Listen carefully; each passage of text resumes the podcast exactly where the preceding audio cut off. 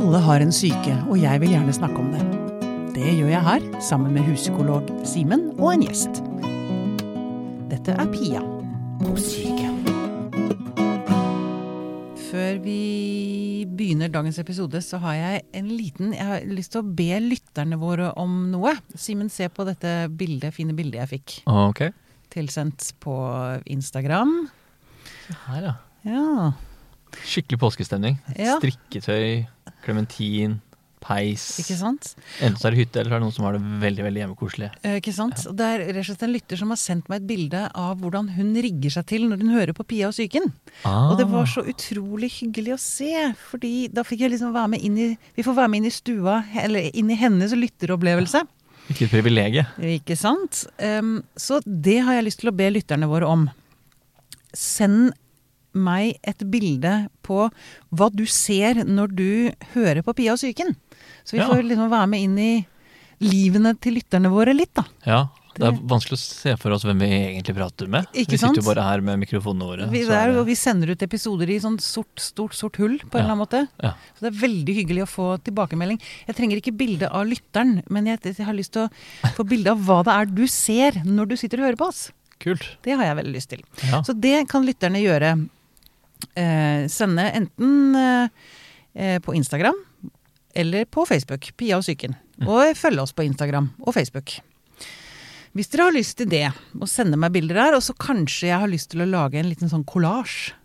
Så kan dere andre lytterne også se hva de andre lytterne ser på når de hører på. Fellesskapsfølelse. Ikke Det er sant. bra. Så send meg bilder. Instagram eller Facebook. Hurra. Gøy. Ja. Da, Simen, eh, nå er jo dette den fjerde og siste episoden om følelser vi skal inn i i dag. Ja, det gikk fort. Det, ja, sant? Jeg tror vi har fått dekket ganske mye av følelsesspekteret. Mm. I dag skal vi ta tak i kanskje noen av de vondeste og vanskeligste følelsene vi har. Nemlig hat, eh, avmakt, men også forsoning. Mm. Det kan eh, det, det, Noe som jeg Dette tenker jeg er ikke bare et, det er en vanskelig følelse, men veldig, veldig viktig. Viktig og, og seigt, og vanskelig å Ja. håndtere og, og gjøre noe med. ja. Skjønner jeg på som, som kliniker, i hvert fall. Ikke sant? Ja. Ja. Nå har vi fått besøk av en som virkelig har forholdt seg til disse følelsene. Semir Popovats, velkommen hit. Takk, takk. Du er psykolog hos Favne, Mhm. og, men du har en litt eh, spesiell bakgrunn også fordi du eh, selv har opplevd krig Mhm. og å være flyktning. Du flyktet fra Bosnia. Det stemmer. Det stemmer. Ehm, kan du, jeg vet at du ikke har så lyst til å bli for personlig eh, og fortelle for mye om den opplevelsen du hadde, men kan du si noe om det? Hvor gammel var du? Kan du si noe om liksom hva det var som skjedde med deg? Ja, altså jeg var, jeg var 16 år gammel da krigen begynte i tidligere Jugoslavia. Mm. Og så øh, bodde jeg i eller Bosnia da, bodde jeg i Bosnia i to og et halvt år før jeg kom til Norge som, som krigsflyktning. Så Så du løpt bodde i krigen, du var Ja, i litt over to år. Mm. Det er riktig. Så, så Og det er jo vanskelig å skulle beskrive krigsopplevelser i en enkel setning. Mm. Eh, og eh, jeg skulle oppsummere noen av de observasjonene man gjør, og de opplevelsene man får i en, i en, i en sånn eh, dramatisk hverdag som det blir under en krig. Um, men det som, eh, det som jeg tidlig la merke til etter at vi kom til Norge, var at selve ordet krig vekket ganske mye, eh, ganske mye sympati eller medfølelse i folk som jeg møtte. Mm.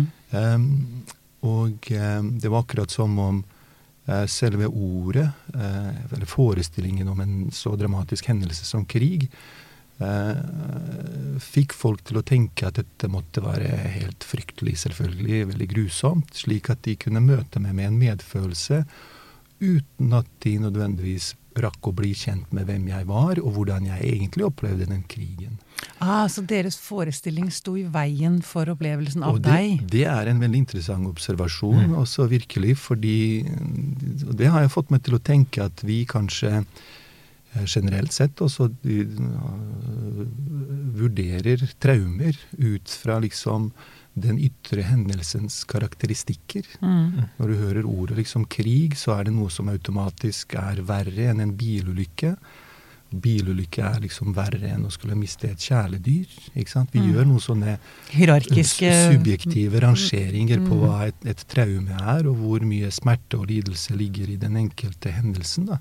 Som vi tar for gitt. Ja, virkelig. Altså. Og det er jo interessant, fordi det er jo Det er jo ehm, så når, når man har opplevd noe traumatisk, så vil man jo gjerne også bli møtt på de følelsene som traumet har vekket. Mm. Men det kan også være veldig sårt og eh, sårbart å åpne seg og komme i kontakt med de følelsene som, som en traumatisk hendelse har vekket. Mm. Slik at, slik at når man sier at man har opplevd krig, så får man en medfølelse uten at man trenger egentlig å eksponere noe ytterligere om hva min personlige holdning eller min personlige, min personlige historie i krigen er. Ja. Slik at jeg kan få en medfølelse uten at jeg trenger å eksponere meg noe ytterligere. Så vi får liksom en slags sånn pseudonærhet. Ja. Skjønner dere hvor jeg ja, vil? jeg tror, jeg tror det. Men Ehm, eh, men da blir jo jeg selvfølgelig nysgjerrig på din personlige opplevelse av krigen og flukten. Eh, altså eh, jeg, jeg har jo mine forestillinger, men, men jeg har jo ikke selv opplevd det. Det jeg har, kan relatere til, er filmer og bøker, liksom. mm. Um, opplevde du mye frykt, eksempel? Ja, det er klart at man opplever At jeg, jeg opplevde frykt i enkeltsituasjoner. En overveldende frykt også. Og, og det som jeg syns også å huske som var veldig, veldig, em, veldig utslagsgivende for opplevelsen av, de, av, de, av alle de hendelsene som, som, som skjedde der nede Jeg var jo ung. Det var jo ikke bare hendelsen i seg selv, men hvordan også omgivelsene rundt meg responderte på de hendelsene. Ja. Og det er jo interessant, bare for å eksemplifisere med å bruke barn som et eksempel. Når barn opplever krig, så vil man automatisk igjen tenke at dette er helt forferdelig, at barn skal oppleve krig. Det skytes, bomber smeller, og det er helt fryktelig. Mhm. Men i hvor stor grad et barn opplever en krig som traumatisk, avhenger også av i hvor stor grad foreldre og de voksne rundt barnet klarer å beholde en viss grad av ro Ja.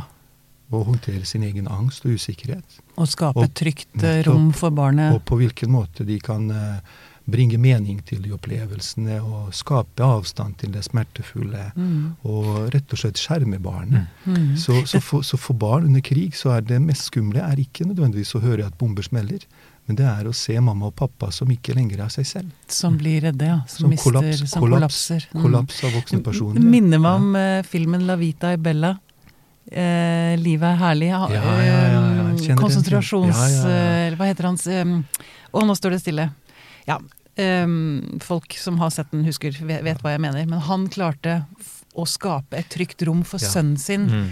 i konsentrasjonsleir. Helt til siste ende. Ja, Han laget et eventyr Ja, ja, ut av det. Mm. Nydelig, nydelig film. Nydelig. Ja. Og veldig vond, men ja. veldig, veldig vakker. Ja. Mm, Men en forlengelse av det blir jo at vi i møte med en uh, Si med en ung gutt som kommer fra krig, må nesten holde igjen vår egen uh, impuls til godhet og skulle forstå med en gang, om det må være fælt og trøste og sånne ting, Ja. for å kunne forstå på en mer ekte måte, så vi kan fjerne den saudoen fra nærheten, på en måte. Ikke legge våre egne forestillinger på Mm. den gutten Ja. eller den jenta. Ja, ja, ja, Mm. ja, absolutt også. Og det andre som jeg også opplevde eh, også i årene som kom etter at vi kom til Norge, var at også folk kunne devaluere eller undervurdere sine egne traumer når de setter, det opp, de setter de opp mot mine egne. Ja. Ikke sant? Det er jo Jeg kan ikke ha opplevd noe som på Ja. noen måte kan måle seg med det du har opplevd. Ja, igjen fordi man tillegger de ytre karakteristikkene ved hendelsen en veldig stor betydning. Man tenker Mm. liksom en, en Bare en bilulykke. Nettopp. Ikke Mm. Det er bare en bilulykke. Mm. Eller det var jo tross alt bare en hund jeg mistet. Mm. Og, men tenk deg forestilt deg en, en unge som vokser opp i en familie med veldig mye omsorgssvikt, mye deprivasjon og neglekt. Mm. Og den eneste ungen har, er jo en valp. Mm. En liten hund, ja. og så dør valpen. Mm. Ikke sant? Mm. Det er jo helt forferdelig. Mm. Mm. Så det er jo betydningen av hendelsen og objektet som tapes, Ja. og hva type etterdønninger det skaper i det indre, Ja. som var på en måte målestokk for traume, ikke de ytre Mm. Ikke den objektive hendelsen. Nettopp. Mm. Nettopp. nettopp. Og som du sier da, det viktigste her er vel um, også hvordan omgivelsene evner å skape en trygg ramme for barnet. Nettopp. At det kan kanskje bli det mest traumatiske. Mm. Så det, sier du da egentlig at em, en, holdt på å si, i anførselstegn, liten ting som skjer, kan egentlig skape et større traume? Um, Ja, igjen, ikke sant. Også hvis man eh, kaller en liten ting, også hvis man, hvis man kaller en liten ting som tap av et kjæledyr, mm, eh, sammenlignet med en større ting som man vil da assosiere med krig, mm, så er det først og fremst etterdønningen i det indre som faktisk Hvilke etterdønninger det skaper, hendelsen skaper i den indre, som er rett og slett målestokken for hva type traume vi, vi snakker om. ja, Hva er liksom den følelsesmessige betydningen av objektet som tapes? mm, ikke sant? mm, Og jeg, når jeg sier at for barn så er det veldig viktig at de opplever at voksne rundt dem er noenlunde samlet, så mener ikke jeg å mm, på en måte eh, underkjenne også alvorlighetsgraden i, og, i, i frykten rundt at bomber smeller og at Mm. folk blir drept. Og, Mm. Men igjen eh, så er, eh, så er eh, konteksten rundt oss og omsorgspersoner rundt oss veldig viktige mm. til å kunne både håndtere de følelsene som skapes, og til å kunne bringe mening til, til opplevelsene. Ja. Mm. Hva er det konkret som skjer inni et menneske som blir eh, traumatisert? Ja, det er jo et veldig godt spørsmål. Fordi hvis vi skulle da flytte fokus fra det ytre til det indre, Mm. hvis vi skulle slutte å snakke om ja, han opplevde et overgrep, eller hun ble utsatt for et voldtekt, og det er Mm. forferdelig, selvfølgelig. Og hvis vi skulle da tenke ja, Fordi det var vel et kriterium. Ja. Altså, for å kunne få en traumediagnose, så måtte du ha opplevd en per definisjon Helt livsfarlig hendelse, eller observert en. Nettopp. Det A-kriteriet, som man kalte det i diagnoseboka. Aha. Og det, er- det mener dere er feil? Eh, Bare for å være tydelig på ja, det er en annen diskusjon, altså. Igjen? Men jeg syns det det det er veldig viktig å ta tak i den subjektive opplevelsen av hendelsen, altså. Mm. Og ikke, og ikke tenke at en, en eller annen bok skal definere hvorvidt dette var fælt for deg. Mm. Så det å fenomenologisk undersøke hva det konkrete tapet har betydd for den enkelte, er jo en veldig viktig måte å gå frem på når vi møter mennesker som har opplevd smertefulle hendelser. Mm. Men på et indre plan, også hvis man skulle oversette en ytre, et ytre traume, en ytre hendelse, til, til, noe, til, til en indre hendelse, da, så kan man virkelig lure på ja, hva er det som skjer på et indre plan? Hva, hva er det det indre i grunn består av? Hva er det som rokkes ved i det indre Mm. når man opplever en hendelse som man da omtaler som traumatisk? Så tror jeg at bare for samtalens skyld så, så er det kanskje greit at vi sier bare kort om ja, hva, hva, hva mener man med det indre? Mm. Hvordan skal Mm. man liksom definere det indre? Ja. Og, og, og, og igjen, for enkelthetsens skyld, da, så kan, kan jeg si at vi, vi kan jo si at vi har en grunnleggende opplevelse av å eie våre egne følelser, av at vi eier våre egne tanker, at jeg eier mine egne handlinger, Mm. at jeg, at jeg tar bolig i meg selv. Mm. Altså Det er en kjerneopplevelse av eierskap. Mm. Det er sammenhengende.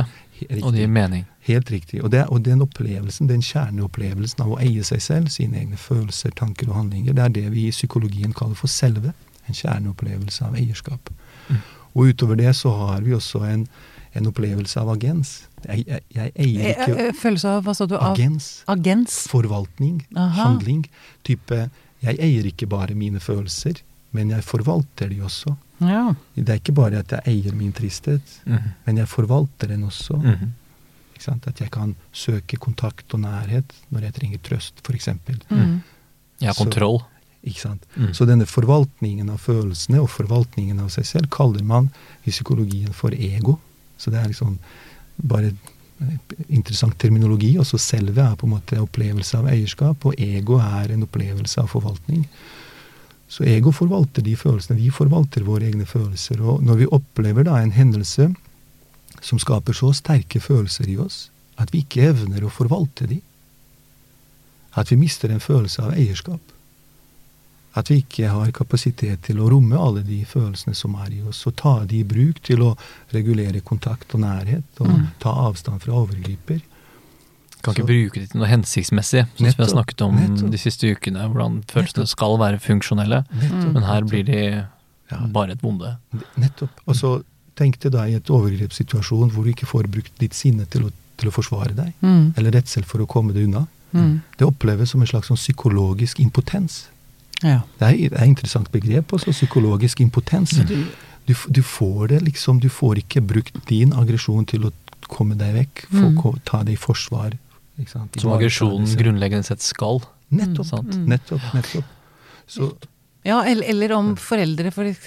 nekter barnet å føle de følelsene barnet har. Kontro altså det, det er jo en del foreldre som kan være litt kontrollerende. Eh, som vil Mm. impo hva heter det legge sine egne følelser over på barnet. Nettopp.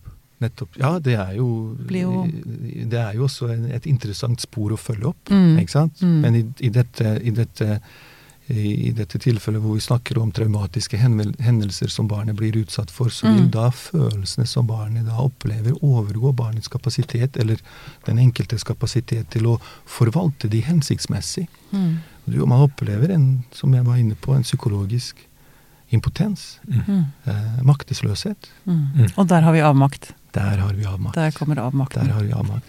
Og det interessante også er hvis man virkelig går inn i det og forsøker å kjenne etter, så vil også den psykologiske impotensen kunne også oppleves som en slags sånn indre svik mot seg selv. Ja, Ikke sant? ikke sant. Da mister man jo hele nesten livskraften sin, da. Ja. Det er kanskje relevant å nevne også den kanskje mest kompliserte mm, formen for traumer, der hvor omsorgsperson også er utøver Ja. i nettopp dette her. Hvor det, blir en, eh, hvor det blir et paradoks om at du vil jo komme nærmere omsorgsgiveren din, men så er det også den som utfører det traumatiske. Nettopp. Ergo du blir uh, totalt handlingslamma. Totalt handlingslamma. Mm. Ja. Og følelsene kan ikke virke sånn som de har, skal virke fra naturens side lenger. Nettopp. Nettopp. Og hvis man da tenker at ja, hva er det, det som er mest grunnleggende i oss, da? Det er jo relasjonsbehovet. Mm. Så hvis vi da tenker at det er barnet som blir utsatt for et overgrep eller noe som er traumatisk fra de som barnet også er tilknyttet til, Mm. så vil da relasjonsbehovet også trumf, trumfe over barnets behov for følelsesregulering. Barnet forblir i relasjon til den ikke-bekreftende forelder. Fordi det er relasjon som er det viktigste. Da, det, det, det må du forklare litt, eh, det må du ta litt nøyere. Eh, altså, hvis man, hvis man som barn ikke får forvalte sine egne følelser, man, Ja. det blir, man blir overveldet, og Ja. hvis Nei, ja. eh, Ja, så sier ikke barnet til sin mor Mor, du har store problemer med deg selv. Du trenger å finne noen å snakke med. mm, Jeg går til tante og deler Mm. mine følelser med henne. mm, Nei, nei, gjør ikke det. nei. Barnet automatisk fanger opp at eh, barnets følelser skaper støy i relasjon til mor. Mm. At det er noe mor har, eller far Mm. har vanskeligheter med å forholde seg til. Mm, Og de følelsene automatisk vil også kunne aktivere en del angst i barnet. ja, Fordi relasjonen blir satt på spill. ikke sant. Ikke sant? Men da blir jo barnet helt låst. Ja, Og hvis man bærer med seg dette inn i voksen alder, ja, som man ofte gjør. som man som regel gjør, vil jeg vel nesten si Det skal godt gjøres å komme ut av det der, hvis ikke man får hjelp. Jeg jeg tenker kanskje det er greit å nevne at vi nå ikke nødvendigvis snakker om en sånn spesifikk PTSD-diagnose. Nei. Som kanskje mange har eh, opplevd å få, eller har, har lest seg opp på. Det, dette er mer sånn overordna konsekvenser av traumatiske opplevelser, da. Mm, Som er eh, jo en mer spennende diskusjon, men som kanskje ikke er helt det samme som en sånn drøft av PTSD. Mm. Eh, diagnosen og spesifikk behandling eh, Mm. for det, da. En av, de, en av de mulige utfallene, eller et av de mulige utfallene og scenarioene som kan skje, det er at de følelsene som skapte trøbbel eller ikke, som det ikke var plass til i relasjon til mor eller far, mm, at de følelsene på samme måte eller lignende måte også kunne oppleves som truende eller uakseptable i relasjoner man utvikler til andre senere i livet. Et eksempel er at hvis man har opplevd at, eh, at eh, sorg har utløst sinne hos en forelder, eller avvisning, eh, veldig forenklet sagt, Mhm. så kan man si at barnet istedenfor å få trøst, sitter igjen med en opplevelse av uro, Mm, og at tristhet på den måten betinges med en opplevelse av utrygghet. Og at når jeg da er trist, så setter jeg da relasjon, en viktig relasjon på spill. Så senere i livet, da, å skulle bli trist overfor kjæresten sin, kan også vekke en slags eh, ekkel angst og uro. Ikke sant. Ikke sant? Mm. Dette er jo en veldig grov forenkling, men Ja. bare for å, Ja. et forsøk på å møte spørsmålet ditt. Ja, ja, ja. Um, har, har tenk, er vi ferdig med altså, hva som skjer inni et menneske som blir traumatisert? Uh, var det mer du ville si om det? Jeg lurer på om jeg avbrøt noe inni der? Overhodet ikke. også. Jeg syns det er veldig, veldig viktig det vi nettopp gjorde. At vi, at vi ikke ser på det, de alvorlige traumatiske hendelsene som noe som er helt atskilt fra normal psykologi. Mm. Fordi det vi endte opp med å snakke om nå, er jo på en måte hører hjemme mer i hverdagspsykologi. Av Mm. noe vi alle vi opplever i større eller mindre grad med våre foreldre. Mm. Og når vi da snakker om ekstreme hendelser, sånn type krig og, dødsfall, uforutsigbare dødsfall og voldshendelser, så, så snakker vi da om en type mer ekstrem intensivering av følelsene i barnet, eller til det offeret som opplever den hendelsen. I grunn og bunn så handler det da igjen om det samme. At følelsene som hendelsen aktiverer, overgår ens kapasitet til forvaltning og regulering. Mm. Slik at man blir på en måte litt sånn fremmedgjort for seg selv. Mm. Er dette virkelig meg? Mm. Og denne opplevelsen av psykologisk impotens og ikke evne å regulere seg selv, bruke følelser til å komme seg i sikkerhet, søke trøst osv., osv., ta Mm. seg selv i forsvar, Mm. det gir en opplevelse av maktesløshet og avmakt, Mm. og kan oppleves som et indre svik Ja. Mot seg selv. Så, så, så det er på en måte en slags eh, altså definisjon av det indre traumet. Ja. ja. Jeg har lyst til å snakke mer om avmakt, men jeg har lyst til å snakke litt også om hat. Som jeg opplever som Det er vel ikke en klassisk følelse, egentlig. Vi har ikke vært innom hat, egentlig. Ikke som en egen grunnfølelse, nei. Vi har vel snakket om det i forbindelse med, med sinne og aggresjon med Ja. noen tidligere gjester. For hva, hva har du lyst til å si om hat? For Ja, det, det er vel det noe som ofte kan komme som en følge Ja. av å bli utsatt for Ja. Det første som slår meg når du spør meg det, er at uh, hat har fått et ufortjent dårlig rykte. Ja, ok. Det er interessant. Nå, dette er spennende. Ja, fordi det er liksom hat er noe vi ikke skal ha. Vi skal ikke føle hat, nei, vi skal bare føle kjærlighet. Så, så man kan jo lure på hvor kommer det fra? Mhm. altså at, fordi vi ofte kanskje assosierer hat med hatefulle ytringer og handlinger, og, Mm. Og det man kan også oppleve som onde handlinger, at det Mm. ofte er motivert av hat. Og et fravær av tilgivelse, som på en måte skal være en Ikke dyd. sant? Mm. Så det er Ja, ikke sant. Så, så, så, så liksom hatet liksom eh, eh, drar med seg liksom en assosiativ rekke da, i retning av hatefulle ytringer og handlinger. Mm. Men hvis hatet rommes, og ikke utageres, eh, for eksempel Ja. Å romme det, ja. Det er samme som med raseri, det. Det er Ja. viktig å romme det, og ikke ta det ut. Ja, så kan man da tenke ja, hva, hva slags psykologisk funksjon kan det hatet ha, for eksempel. Ja, ja ok. Og- Og så uh, ville det være uh, psykologisk sunt å kunne hate f.eks. Uh, Anders Behring Breivik? Mm. Eller er det noe umoralsk eller psykologisk ugreit over det? Jeg stiller det bare som et Det er, spørsmål. et, ikke sant? eh, mm. Eh, er det lov å hate overgriperen sin? nettopp. Kan hatet virke vitaliserende? Ja. Hvis vi tenker at tar utgangspunkt i, ut, utgangspunkt i avmakt Mm. som en slags sentral uh, opplevelse i en traumatisk hendelse, og denne opplevelsen av psykologisk impotens Mm. uh, Det å komme i kontakt med sinnet, Mm. som man da evner å romme, og inni seg også rette mot overgriperen. Men ikke som en uh, slags hatsk prosess mot hevn, Ja, men som en uh, driv for å leve et godt liv sjøl. ja. Er det det du mener? ja også, mange Eller hvis hatet ikke Jeg tenker at hvis hatet ikke anerkjennes, så blir det liggende som et lokk over alle andre gode følelser. Ja, ja, ja. Eller? Ja, altså Hvis, hvis vi ikke mister eh, blikket fra det, fra det skadde selve, Mm. og, eh, og, og den opplevelsen av impotens da, i en traumatisk opplevelse, Ja. så kan man da spørre seg ja, hva er det som skal til for å blåse et nytt liv i selve? Ja. Så ser man at den aggressive affekten spiller en veldig viktig rolle. ja. Det å evne å bli sint på vegne av seg selv, Mm. dette er en urett. Hat kan få deg til å reise deg. Ja, Mm. Ja. og så ja, og så at du får, du får kontakt med et sinne med Mm. raseri. Dette er ikke greit. Mm. Dette har ikke jeg fortjent. Mm. Og det å evne å romme det hatet, og romme sinne, raseriet, i retning av den som har gjort deg urett. Mm. Jeg har lyst til å spole litt tilbake til For du, du er veldig opptatt av at altså vi, vi er opptatt av at vi skal ø, oppnå forsoning.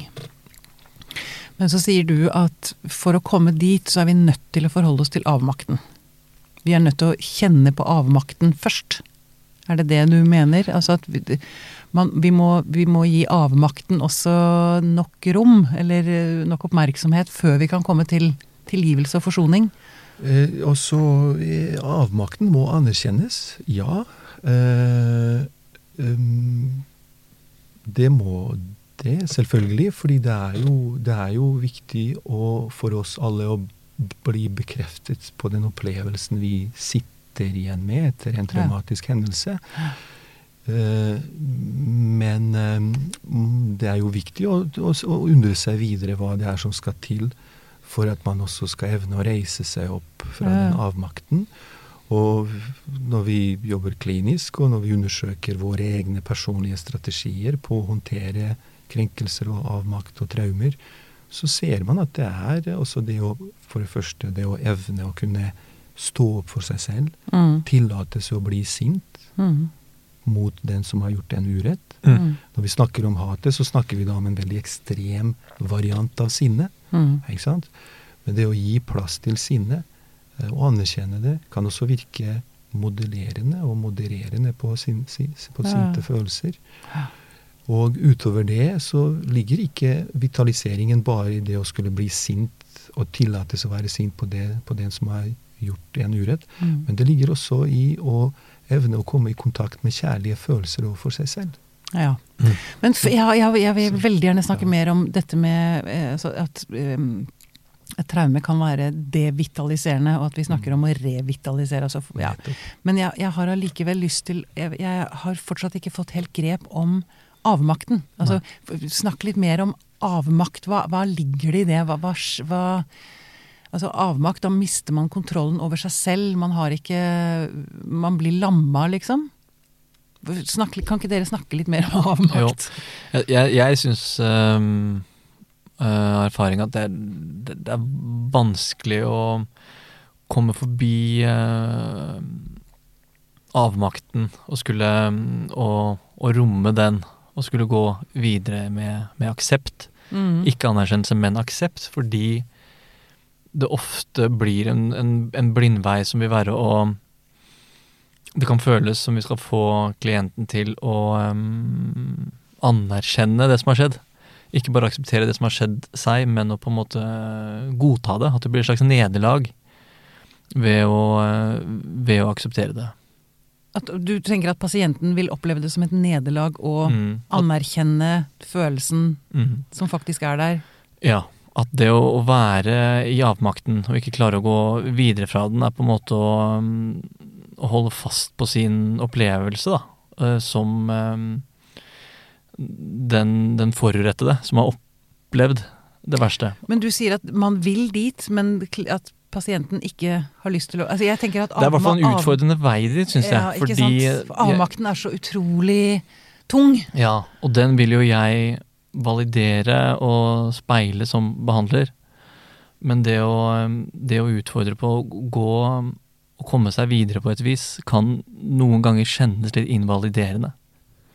Ah, nettopp fordi Forstår du hva jeg mente? Ja. Jeg tror det at pasienten Eller at Eller tolker jeg det riktig når jeg sier at avmakten også kan eh, At man kan bli veldig glad i den på en eller annen måte, fordi da, da er man synlig, eller da, da, som du at det blir validert, det som har skjedd der? Ja, kanskje det er på en måte å, å fastholde på ekteheten ved det du har opplevd, Ja, nettopp. Nettopp. tenker jeg. Ja. Men samtidig så er det jo viktig å også komme innom avmakten. Eh, Altså, for du, du, du Semir, du vet at Eller du mener Du sa da vi snakket sammen på telefonen at man har en tendens til å hoppe over avmakten. At man går ikke innom den engang. Ja. Eh, og det er også det er heller ikke bra. For man må anerkjenne den impotensen. Ja. At man faktisk var uten handlingskraft. Ja, det, veldig, det kan være veldig truende å, å eksponere sin egen avmakt og være i kontakt med sin egen Ikke sant, avmakt. truende. Mm. Og, eh, og eh, det kan nesten eh, oppleves som en slags trussel mot en slags sånn retraumatisering. Mm. Eh, og, og det er klart at det er et veldig viktig mellomstopp. Det å Mm. kunne komme i kontakt med den av, opplevelsen av avmakt, og oppleve at den, den jeg deler den med, eller den som hjelper meg med å sette ord på den avmakten, tåler den, Mm. ser meg Mm. i det jeg er i kontakt med avmakten. Men vi ser også at avmakt eh, ikke nødvendigvis er en følelse, men mer en posisjon man havner i. Ah, ok. Og ofte så ser man også at avmakt kan også da dekke over en del vitaliserende følelser. Så når Mhm. folk evner å være i kontakt med avmakt, så vil man også kunne utforske videre hva type følelser som ligger rundt opplevelsen som har indusert avmakt i deg. Ja. Og det i en type samtale som handler da om en traumatisk hendelse, så vil man kunne se at eh, eh, svært ofte at det kommer tilløp til sinte følelser. ja. Det gjemmer seg ofte Ja. sinne under avmakten. Mm. At man da i det terapeutiske rommet eller i en fortrolig relasjon plutselig får mulighet og anledning til å slå fra seg. Ja. Til å sette ord på og kjenne på de følelsene som virker vitaliserende, og som tar en selv i forsvar. Ja. For å spørre, avmakt, kommer det, er det alltid et resultat av ytre ting? Kan man hensette seg selv i en posisjon av avmakt?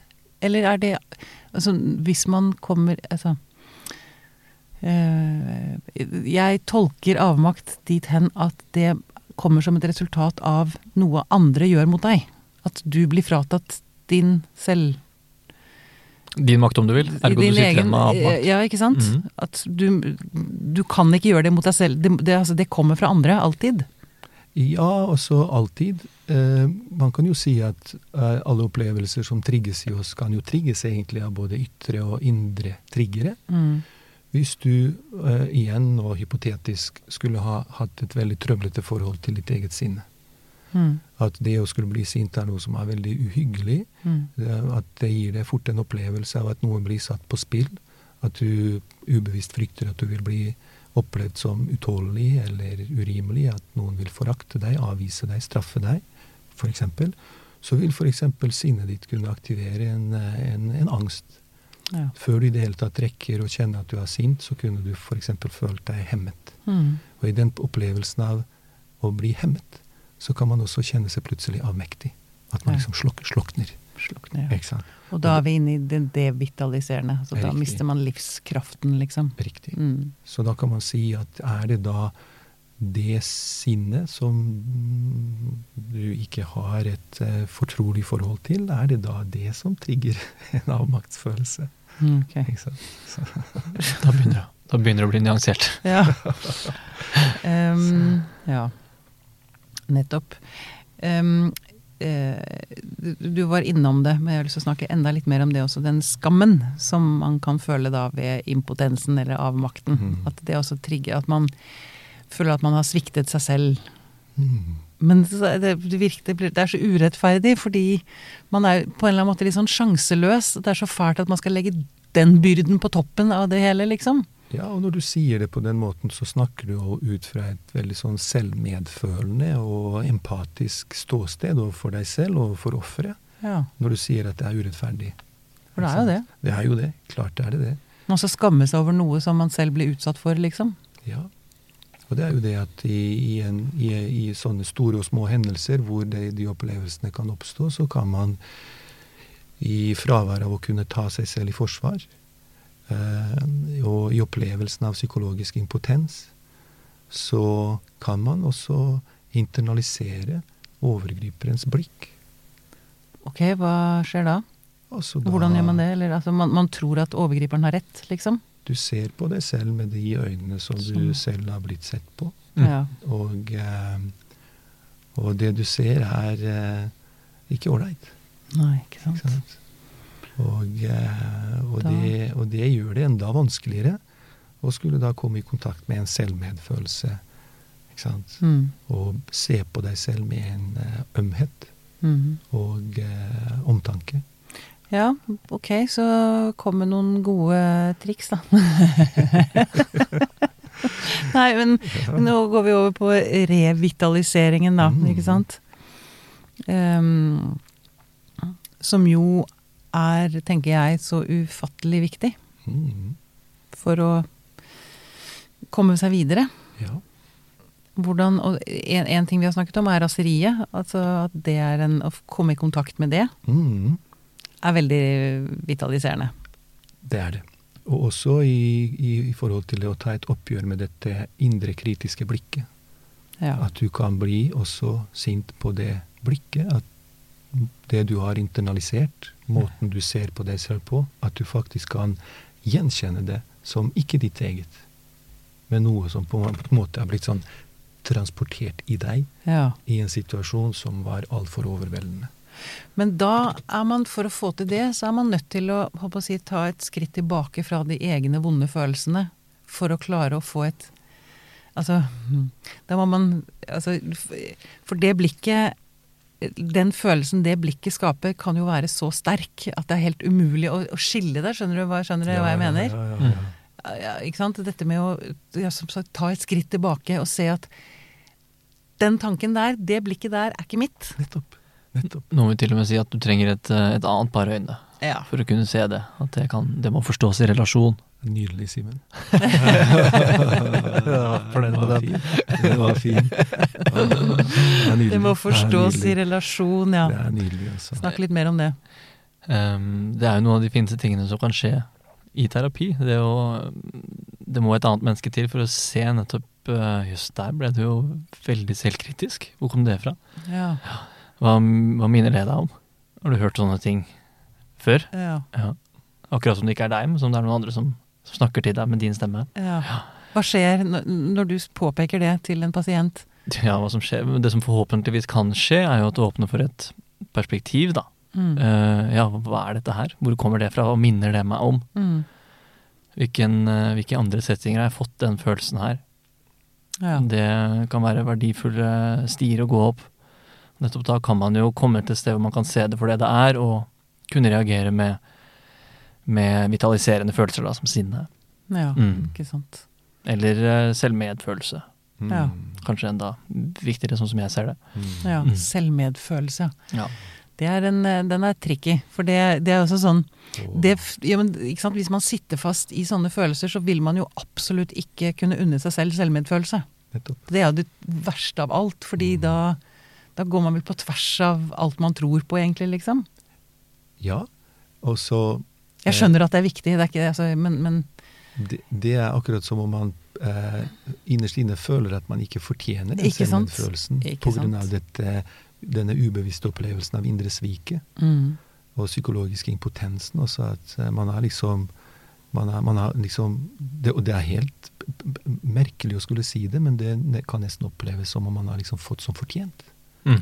Nesten liksom satt veldig på spissen. Nettopp. men jeg kjenner det igjen. Altså, og, og når du da får hyggelige, fine kommentarer, støttende kommentarer fra folk som er glad i deg, eller din terapeut, så kan, du, kan det også hende at folk avviser det. Fordi du tror, de tror ikke på det. Det de liksom kan nesten noe- ikke, man kan nesten ikke Man kan ikke tillate seg det, fordi Nettopp. da mister man en eller annen Eller da, da gjør man seg selv veldig sårbar, da. Ja, ja, ja.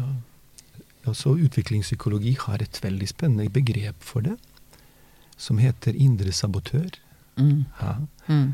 Og det er liksom denne internaliseringen av skylden, at det er meg det er noe galt med. Mm. som vi lever med bare for å redde relasjoner og skåne omgivelser rundt oss, og kjære Mm. folk rundt oss, for de sinte, annet sinte følelsene vi kan bære på, eller de følelsene som omsorgspersoner ikke kan tåle, så går de, går de fri. Og jeg internaliserer en opplevelse av at det er meg det er noe galt med. For det er en, en virkelighet som er lettere å se for seg. At jeg er noe jævlig som fortjener å bli slått, Ja. istedenfor at Ja. mammaen min er fæl. Nettopp. Ja. Det går ikke an. Ja, de sier Nei. Ja, ja, ja. Ikke sant? Det er jo dette man, el- man slutter ikke å elske sine foreldre, man slutter å elske seg selv. Nettopp. Mm. Mm. Så, så det da å, å trenge inn da, med et annet blikk som fører til en slags sånn oppjustering av opplevelsen av deg selv og de Mm. rundt deg, det er eh, ikke bare enkelt. Nei, det er truende. Det er truende, og, eh, men det går. Mm. Det går. Det går. Det, er det går. viktige. Det er det, Det går. viktigste kanskje å understreke her. Det går. Fordi det, det, er jo, det er jo utrolig viktig, det å kunne komme i kontakt med en kjærlighet for seg selv. Mm. Og det å komme i kontakt med opplevelser fra sin, fra, fra, fra, fra, sin barndom, fra tidligere relasjoner, hvor man oppi alt det smertefulle også har opplevd kontakt av noe godt. Mm. Et blikk, en duft, berøring. Noe som har vært ålreit. Mm. Hvor man har opplevd en kontakt av verdifullhet. At man er viktig, nødvendig, elskbar. Mm. Og det å blåse et nytt liv i de opplevelsene gjennom å finne det igjen i blikket til kjæresten sin i dag, eller terapeuten sin i dag, er utrolig viktig. Å bli sin beste venn. Så når man ser på seg selv som en tre år gammel unge, at man kan se på seg selv med en ømhet og et ønske om å løfte seg selv opp, og Mm. ikke med en forakt. Mm. Det med en selvmedfølelse som ikke skal Det der selvmedlidenhetsbegrepet irriterer meg grønn noen ganger. Det er så utrolig negativt lada. Tar du det ordet for det det er, så er det jo egentlig ganske fint. Ja. Å å Ja, lide, ikke med, lide med seg selv. skal- Eh, Medlidenhet overfor andre er jo en positiv ting, men selvmedlidenhet er jo et skjellsord. Ja. Så det, da må vi bytte det ut, da. ja. Og da eh, tilbake til dette nevnte du innledningsvis, dette vi tar ikke traumene våre på alvor. Mhm. Eller vi, hva er det du sier for noe? Undervurdere. Ja. Vi undervurderer traumene våre. Ja, det var da ikke så farlig. Det var da ikke så farlig. Det er, det er veldig strengt. Ja. Og ikke veldig livsbejaende på en eller annen måte. Eller du, da tar du i hvert fall ikke deg selv høytidelig. Mm. Og så vanlig. Hele tiden.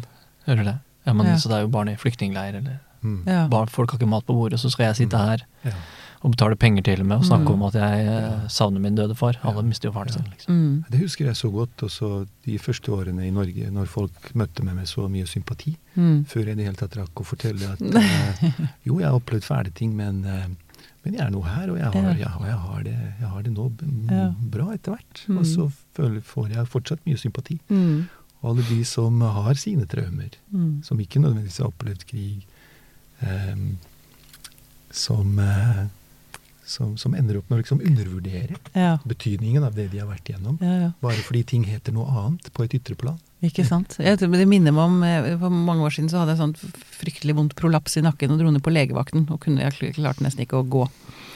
Men da husker jeg satt med hun, hun i hun, første triasje, altså første du møter, som skal eh, høre hvor hun skal sende deg videre og sånn. Men Og så kom det inn en eller annen som var veldig skadet, og så sa jeg å gud, nå føler jeg meg så Jeg har så dårlig samvittighet for at jeg sitter her og tar opp tid.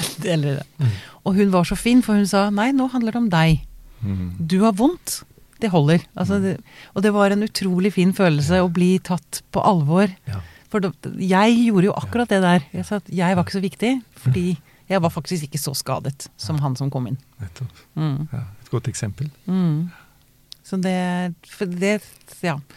Men så er det denne balansegangen mellom å ta seg selv på alvor og Altså selvmedlidenhet i, i sin ytterste konsekvens betyr jo at man øh, dyrker det, da. An, ja, angivelig. Mm. Men kanskje ikke. Kanskje jeg tar feil. Kanskje jeg også dømmer her. Min egen eh, selvmedlidenhet. Min egen at, at jeg er for hard med meg selv. Jeg tror i hvert fall At folk- folk, eh, folk ofte er det. Ja. Og um, den makten det ordet har fått, det skal vi i hvert fall ikke være. Vi skal være det motsatte Det er av, av selvmedlidende. Det er veldig bra innspill, egentlig. Mhm. Vær selvmedlidende. Men det er bare det at folk rundt deg orker deg ikke hvis du er selvmedlidende. Tja, det var en påstand. det er litt kjedelig å høre på de som hele tiden skal avskrive det de selv sier. at, Ja, men det er ikke så farlig. Det er ikke så farlig. Ikke ta seg sjøl på alvor. Det er ikke, så, det er ikke den mest spennende samtalen Hvis det heller. Nei, det har du rett i, men det er noe med en som sitter og skal bare snakke, snakke, snakke, snakke om sine egne vonde altså Det blir jo Ja. Jo da. ja det, er, det er en balansegang her òg. Jeg må bare si, det er jo Jeg tenker at vi har kommet et stykke. Her sitter altså en 30-årig mann fra Grorud og en et eller annet gammel mann fra Bosnia, menn som snakker om følelser. Det er jo, verden har jo kommet et stykke videre. Ja, hva skal du vi si til det, Simen? Ja, jeg er helt enig. Ja. Det er bra. Ja. Jeg, jeg vet ikke om jeg er helt enig, Pia. Du er ikke enig i hva da? Nei, altså Det at menn snakker om følelser, er jo selvfølgelig bra. Mm. Men um, Men uh, det er jo Er det den eneste måten å forholde seg til, til følelser på, å snakke om dem? Nei, det er et godt poeng. Det er jo veldig interessant hvis man ser på forskning eh, knytta til kjønnsforskjeller, og særlig barn. Ni-ti år gamle barn som opplever å miste en kamerat. Mhm. Og når, man da undersøker hvordan jenter på ni-ti år håndterer tapet, og hvordan gutter på ni-ti år håndterer tapet Dette er veldig interessant. Okay. Så ser man at jenter i langt større grad kan betro seg til hverandre. Mm. Når de sitter med hverandre, så sitter de overfor hverandre og snakker til hverandre. Mm. De kan skrive dagbok, og de kan fortelle om hva den tapte, altså hva den bortkomne har betydd for dem, og de kan også understreke betydningen av venner når noe er vanskelig. Mm. Og når man følger opp guttene som har opplevd tap av en kamerat, så ser man at de skriver ikke dagbok, men de driver med aktiviteter. Ja. Istedenfor å betro seg til hverandre, så De- forteller de historier. ja. Så istedenfor å sitte og se hverandre dypt i øynene og fortelle om følelser, så sitter de ved siden av hverandre og ser på en tredjedel ting, type skjerm eller fotball eller Mhm. Så istedenfor å snakke om betydningen, så kan de score mål og si f.eks. at Petter kunne, kunne score fra langt. ja. Og de kunne også si at venner er viktig. Og når man følger opp de barna etter hvert, etter noen år, så ser man at både gutter og jenter går det bra med. ja. Ikke sant? Så man Så- trenger ikke å snakke ut om det. Man kan Så man ser at det er forskjellige måter å håndtere det, det, det vanskelige på. Ja. Vi skal, jeg, under, jeg undervurderer, underkjenner ikke selvfølgelig viktigheten av å ha en evne til å romme følelser, kjenne på de, gi uttrykk for dem, Mm. symbolisere de til et språk og kunne avdekke hvilke type behov som følelsene signaliserer. Absolutt. Det er ikke, men det er ikke alltid Nettopp. Det er ikke alltid løsningen, og det Ja, ikke, vi må ikke legge det fram som at det er den eneste Ja. veien til målet. ja, ja, Men noen ganger uh, må det være en del av løsningen. Absolutt. Og da tenker jeg det er viktig at det også finnes menn som kan, eh, som kan prate om det, og som kan være i bresjen om du vil. absolutt. Ja. Og dette kan kanskje ofte være problemet i et forhold mellom en mann og en kvinne, fordi kvinnen vil snakke om det, mens mannen har faktisk en annen måte å Ja. Som, man, som er en foretrukken måte å bearbeide det på, da. Mm, mm. Så hvis kvinnen også kunne vært flinkere til å være med på hans på skal si, lek, eller altså Ja. øh, Kanskje? Ja, altså ikke er det man for det er jo forskjellige, forskjellige måter vi søker nærhet på. Jeg, har, Mm. eh, jeg veileder ganske mange personalgrupper som jobber innenfor psykisk helsevern og barnevern. Og, og i en av gruppene så er det ja, tilfeldigvis eh, menn alene. Mm. Og eh, nå nylig, faktisk i forrige uke, så spør jeg disse mennene Ja, dere er intakte, oppegående menn. Eh, har kjent dere et par år? Dere slipper unna de mest alvorlige diagnosene. Så dere er intakte. Men altså, hvis dere skulle da kjenne etter og huske de mannlige rollemodellene dere har hatt i deres liv, har de noen gang satt seg ned, sett dere dypt i øynene og snakket inderlig om deres følelser? Mm. Så begynner de å le. Så sier jeg, hvordan har dere skapt nærhet og kontakt og opplevelse av betydning i kontakt med deres mannlige rollemodeller? Så sier han ene jo, jeg jeg har bygd hytte, jeg har hjulpet pappa med å bygge hytte. Ja. Jeg har slått åker. Vært på telttur. vi- Vi husker, Ja. vi, vi, husker har, vi husker hva vi har sagt. Du, du skjønner, vi får kallenavn, klapp på skulder. Mm. Det ligger i blikket, skjønner du. ikke sant? Ja, ikke. Det er mye god terapi i å snekre sammen, bla, bla, bla. Sånn kan de si. Og så sier vi på fleip kvinner snakker om følelser fordi de ikke vet hvordan de skal håndtere dem ellers. Der løfta vi mennene ganske Ja, bra hakk oppover. Ja. Det er veldig bra. Det er jo, jeg sier ikke dette for å provosere, men rett og slett bare for å Men det er et så Ja, viktig det er- poeng. Det, det finnes flere, det finnes flere veier til, eh, Absolutt, til sjelero. Det er ikke nødvendigvis å sitte ja. og, og se på hverandre og prate. ja, Mm. Mm. Nei, veldig godt poeng. Um, vi må også snakke litt om skam. Du skrev en eh, kronikk, Semir, som fikk en del eh, oppmerksomhet. Mhm. Fordi du tar til orde for at det finnes ingenting godt ved skam. Ja. Det finnes ingen god skam. Nei. All skam er, dårlig. Ja. Hva er det du legger i det? Hvorfor mener du det? Også hvis vi ser eh, fenomenologisk, opplevelsesmessig, hva skam er, så er skam unndragelse av kjærlighet fra selve. Du opplever deg selv som verdiløs i øyeblikket, i, i, i større eller mindre grader av intensitet. Det er en, en, en opplevelse av trussel om verditap. Altså Mm. Når vi snakker om disse to gru, grunnleggende typer affekter, aggresjon og kjærlighet, for å sette det veldig sånn på spissen og, og, og snakke om det på en forenklet måte, så sier vi at dette er følelser som investerer både i andre og i oss selv. Ikke sant? Mm. Det å f.eks. evne å være sint på seg selv kan være veldig sunt og veldig bra. Hvis man også samtidig evner å være glad i seg selv. Ja. Ikke sant? Mm. Så selvkritikk og det å evne å romme skyld når man har gjort noe galt, uten å miste kontakt med at man er verdifull, uten å miste kontakt med sin egen kjærlighet, har jo en veldig viktig kapasitet å kunne utvikle, romme motstridende følelser mot seg selv, kunne være sint på seg selv, Mm. men samtidig ikke miste kjærlighet for seg selv. I skammen, i skamopplevelsen, så er det nettopp tapet av selvkjærlighet som er essensen. ja. Tap av selvverd. Det er en indre kollaps. Selve er i fritt fall. Også når vi snakker om mindre doser skam. Selv om vi kan tåle det og romme det, de aller fleste av oss, så kommer det ikke noe godt ut av det. Fordi Nei. det er selve som er i krise. Ja. Men noen vil jo si at um, en, for å sette det på spissen, da, en psykopat har ikke skam, og derfor eh, vil han eller hun eh, eh, tråkke over altfor mange grenser, ikke sant? Det er skammen som stopper en psykopat. Ja, Eller en, en, en, s- det- det- Ja. skammen som ikke stopper en psykopat. At det er skammen som stopper oss fra å oppføre oss som ordentlige mennesker, da. Det som ikke stopper psykopaten, er manglende evne til empati. Ja. Eh, manglende evne til anger. Mm. Hensynsløshet. Mm. Ikke evne å ta hensyn til andre. Mm. Eh, og det er det, det er det vi har. Mm. de fleste av oss.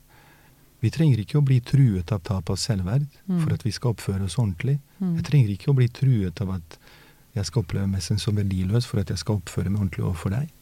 Jeg oppfører meg ordentlig overfor deg fordi jeg tar hensyn til dine følelser. Ja. Jeg, Mm. ja. Du har andre strukturer. ja, vi har andre ressurser. Ja. Men sånn, Så- hvis vi går bort fra psykopat, da, men ta et menneske som f.eks. Eh, tar veldig mye plass. Mm. Som snakker veldig mye. Som Ja. snakker ustanselig. Som ikke stiller spørsmål til den andre.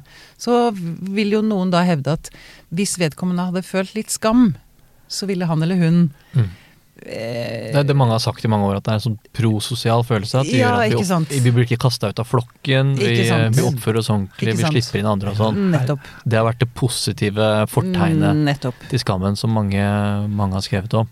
Når, Men du det- da, når du da sier at her er det en som snakker for mye, Mm. og han burde skamme seg Mm. Hvis du skulle da ta utgangspunkt i hva du føler overfor vedkommende, Mm. som du mener burde skamme seg, Mm. så vil du kunne spore opp en følelse av irritasjon eller sinne. Mm. Og når du da tenker at han burde skamme seg, Mm. så avsløres skammens sanne natur i det. Fordi du vil at folk skal skamme seg når du er sint på dem. Det er straff. Det er straff. Du ønsker å Ah. indusere noe sånn at de skal lide. Ok. Hæ? Og det, Så hvis du da Men, skulle eh, vi- være med på en tanke om at en, en skamindusering er en umoden måte å vise sinne på, på hvilken annen måte kunne du være sint på overfor den personen som snakker for mye, uten å måtte indusere skam, slik at vedkommende ikke skal trues av en opplevelse av verditap? Ja.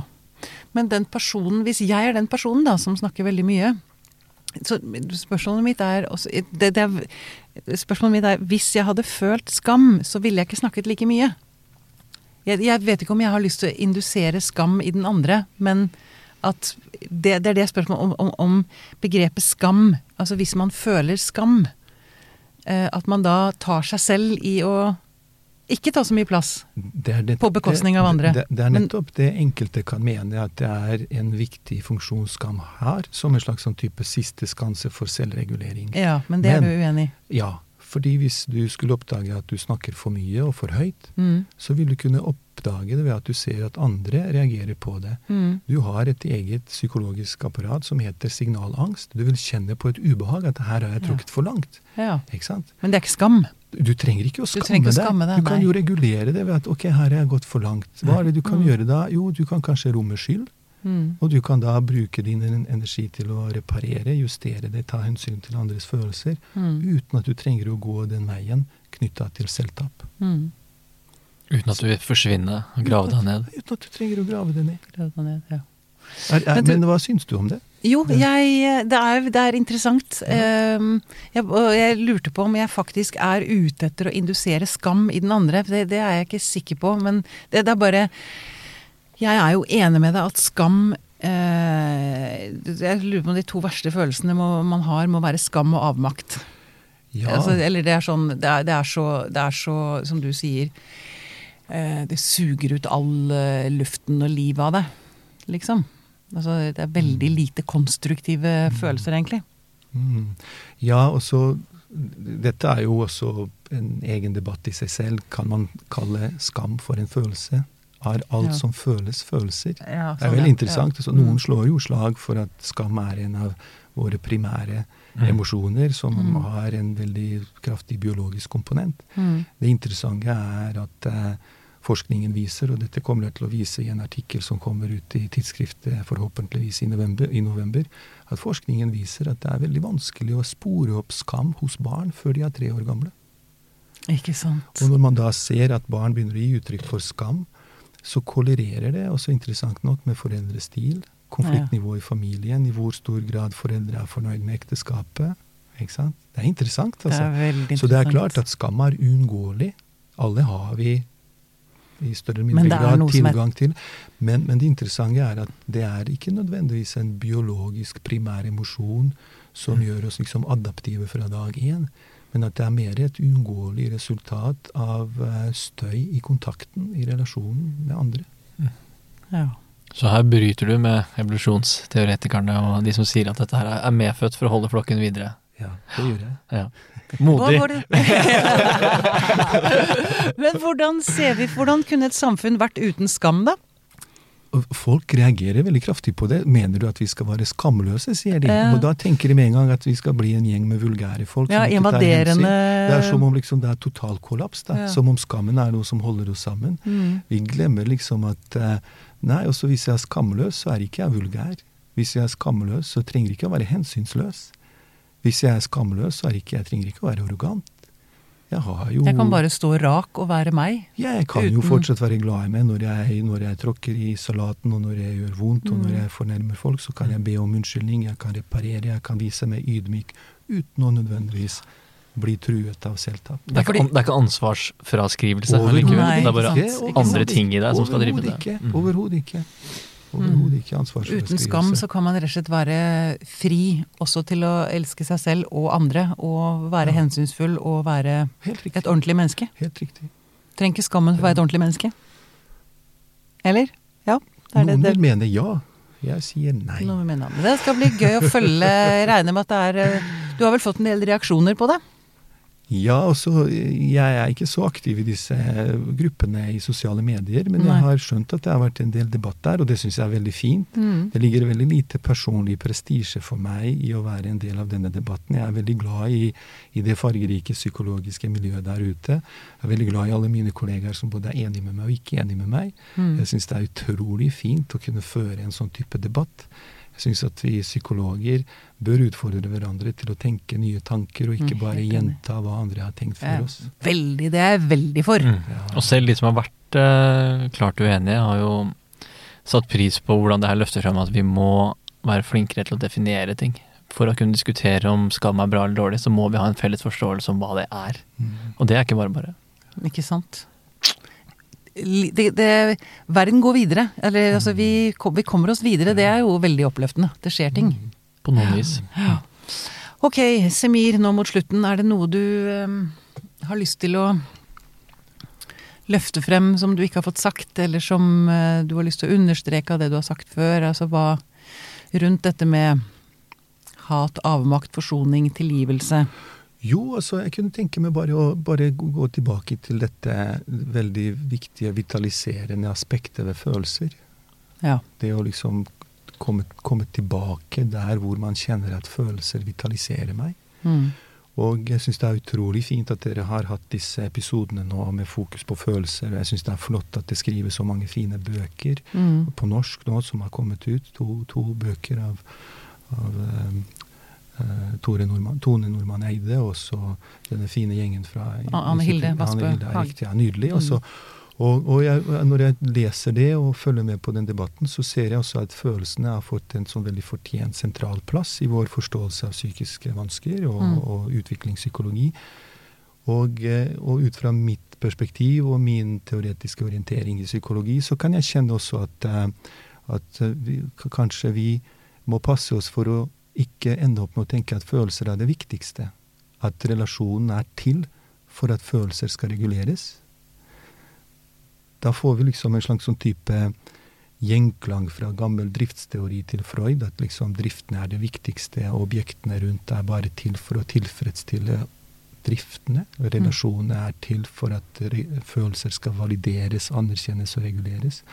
Vi må huske på at det er kontakten som er det viktigste. Mm. Det er relasjon som er målet. Det er relasjonsbehovet som gir følelsen retning. Mm. Man, fø man føler aldri en følelse alene. Det er alltid et objekt knyttet til det. Du er aldri bare sint. Du er sint på noen. På noen. Du er aldri bare redd. Du er Du redd for noe. Og, og det er Ingen, ingenting skjer i et vakuum. Ikke sant? Og det er veldig Mm. viktig å huske på det, fordi når du sier at folk har problemer med sinne eller tristhet Ja, også noen kan jo være trist når de hører på musikk, men kjenne seg veldig hemmet med sin tristhet når de skal vise det overfor kjæresten. Mm. Noen kan være sint på sin bror, men være veldig hemmet når de kjenner på sinne overfor sin sjef. Mm. Så det er ikke sinnet eller tristheten i seg selv som er det trøblete. Mm. Du må forstå sin relasjonelle kontekst. Og det er, ikke sant? Så det er den indre objektrelasjonen, og så hvilket objekt Mm. følelsen er knytta til, Mm. som er det, bete det betente her. Ja. Så, så og det er, bare- også relasjonen vi søker mot hele tiden. Det er relasjonen tiden. som er viktig. Hele tiden. Hele tiden, ja. ikke sant? Og Veldig det, bra. Ja. Jeg vil si at vi, har- vi har, det er en, har en god, har en god relasjon her inne. Nå? Enig. Enig. Ja, Enig. Veldig bra. Simir Popovats, tusen takk for at du kom til oss. Tusen takk for at jeg fikk lov til å være med i dag.